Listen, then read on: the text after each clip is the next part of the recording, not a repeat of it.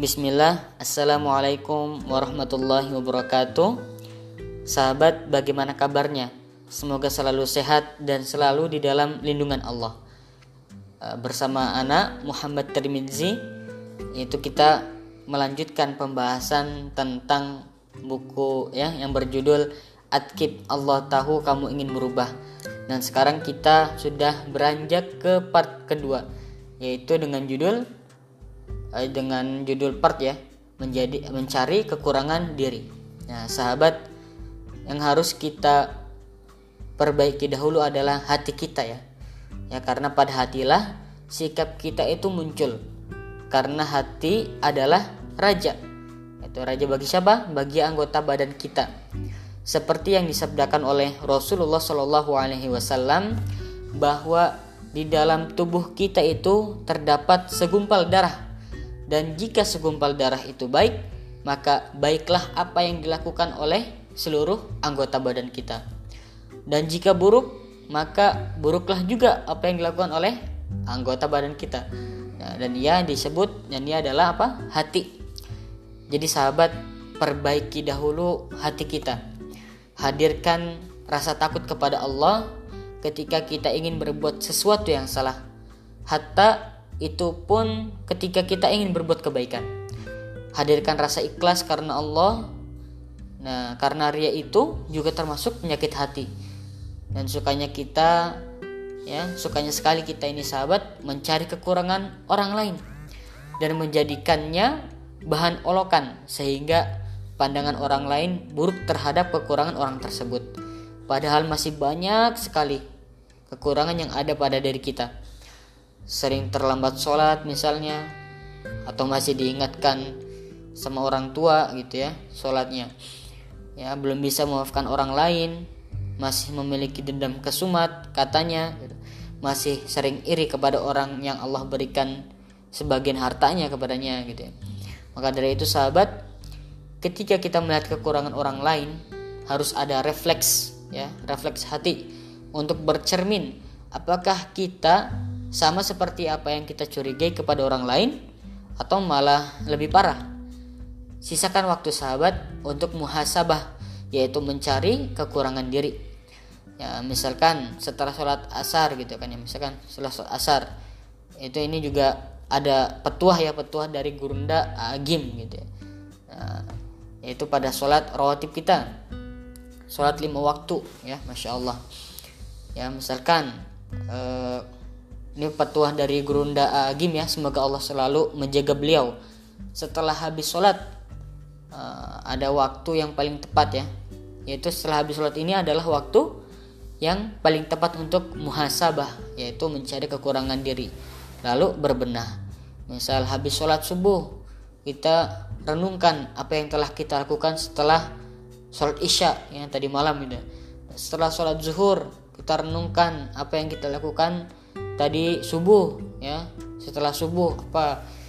Nah, dan misalkan kita setelah sholat ashar kita renungkan kembali apa yang telah kita lakukan pas zuhur dan begitu seterusnya ya. Sehingga kita itu terus meminimalisir kesalahan yang telah diperbuat. Dan di situ tidak ada ruang untuk kita memikirkan kesalahan orang lain karena kita telah disibukkan oleh kesalahan kita ya.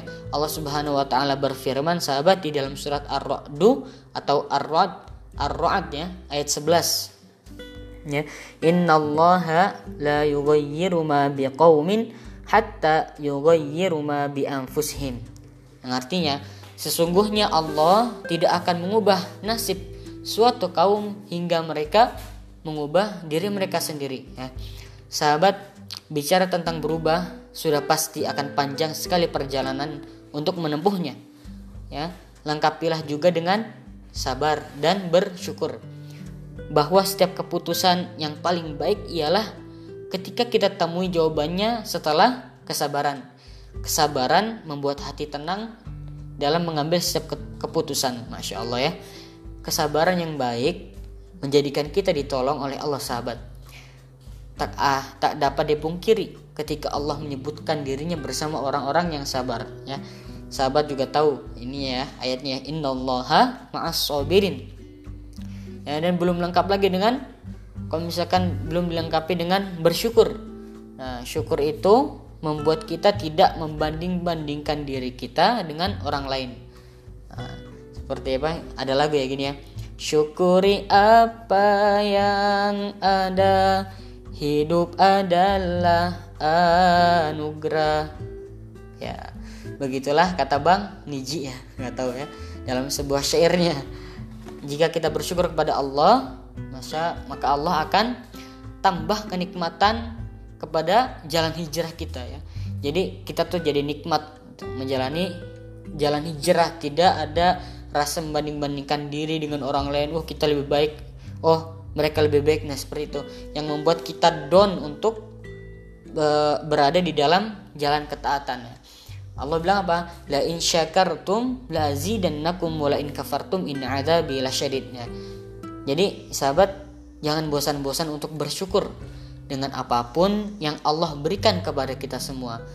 Nah, bismillah sahabat ada satu ayat penutup nih sahabat di dalam surat Al-Baqarah ayat 150 ayat 153 ya. Yang berbunyi Bismillahirrahmanirrahim. A'udzubillahi minasyaitonirrajim. Ya ayyuhalladzina amanu ista'inu bis-sabri was-shalah Innallaha ma'as sabirin Hai orang-orang yang beriman jadikanlah sabar dan sholat sebagai penolongmu.